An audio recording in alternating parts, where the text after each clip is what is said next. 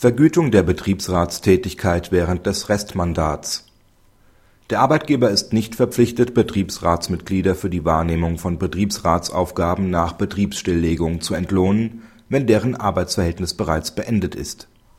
Zwei Arbeitnehmer begehren die Vergütung ihrer Tätigkeit als Betriebsratsmitglieder nach Stilllegung ihres Betriebs am 01.01.2002 bis zum 10.04.2007 der Arbeitnehmer wird zum 31.12.2001 wegen Dienstunfähigkeit, die Arbeitnehmerin zum 31.12.2002 wegen Erreichens der Altersgrenze in den Ruhestand versetzt.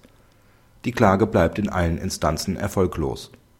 Das BAG stellt zunächst klar, dass die Klage nicht bereits daran scheitert, dass das Arbeitsverhältnis unabhängig von der Stilllegung des Betriebs während des Restmandats nicht mehr bestanden hat ob die Mitgliedschaft im Betriebsrat nach § 24 Nr. 3 Betriebsverfassungsgesetz erlischt, kann nur unter Berücksichtigung der Besonderheiten des jeweiligen Mandats entschieden werden und ist für den restmandatierten Betriebsrat abzulehnen. Der Zweck des § 21b Betriebsverfassungsgesetz, der für den Fall der Betriebsstilllegung ein Restmandat begründet, wäre konterkariert, wenn die Beendigung des Arbeitsverhältnisses nach § 24 Nr. 3 Betriebsverfassungsgesetz zum Erlöschen des Restmandats führen könnte.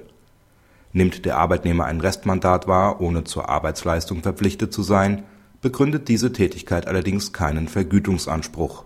§ 37 Absatz 3 Satz 1 Betriebsverfassungsgesetz, der auf Tätigkeiten Anwendung findet, die betriebsbedingt außerhalb der Arbeitszeit durchgeführt werden, ist mangels Arbeitspflicht nicht direkt anwendbar für eine analoge Anwendung der Norm auf aufgeopferte Freizeit fehlt es an einer planwidrigen Regelungslücke, weil eine solche Regelung bereits gegen das in § 37 Absatz 1 Betriebsverfassungsgesetz niedergelegte Prinzip der Unentgeltlichkeit des Ehrenamts verstoßen würde.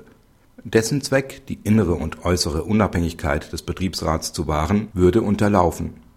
Die in § 37 Absatz 3 Betriebsverfassungsgesetz geregelte Ausnahme von diesem Grundsatz ist allein deshalb geboten, weil der Arbeitnehmer anderenfalls das Lohnausfallrisiko für den Fall tragen müsste, dass er nach § 37 Absatz 2 Betriebsverfassungsgesetz vergütungsfähige Aufgaben des Betriebsrats in seiner Freizeit erledigen muss.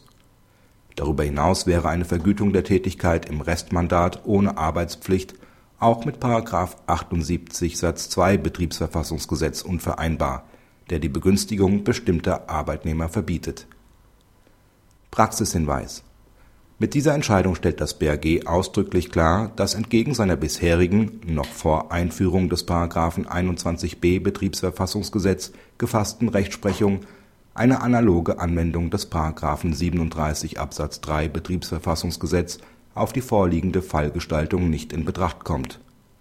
Aktive Ruheständler müssen dies bei ihrer Entscheidung für ein Restmandat berücksichtigen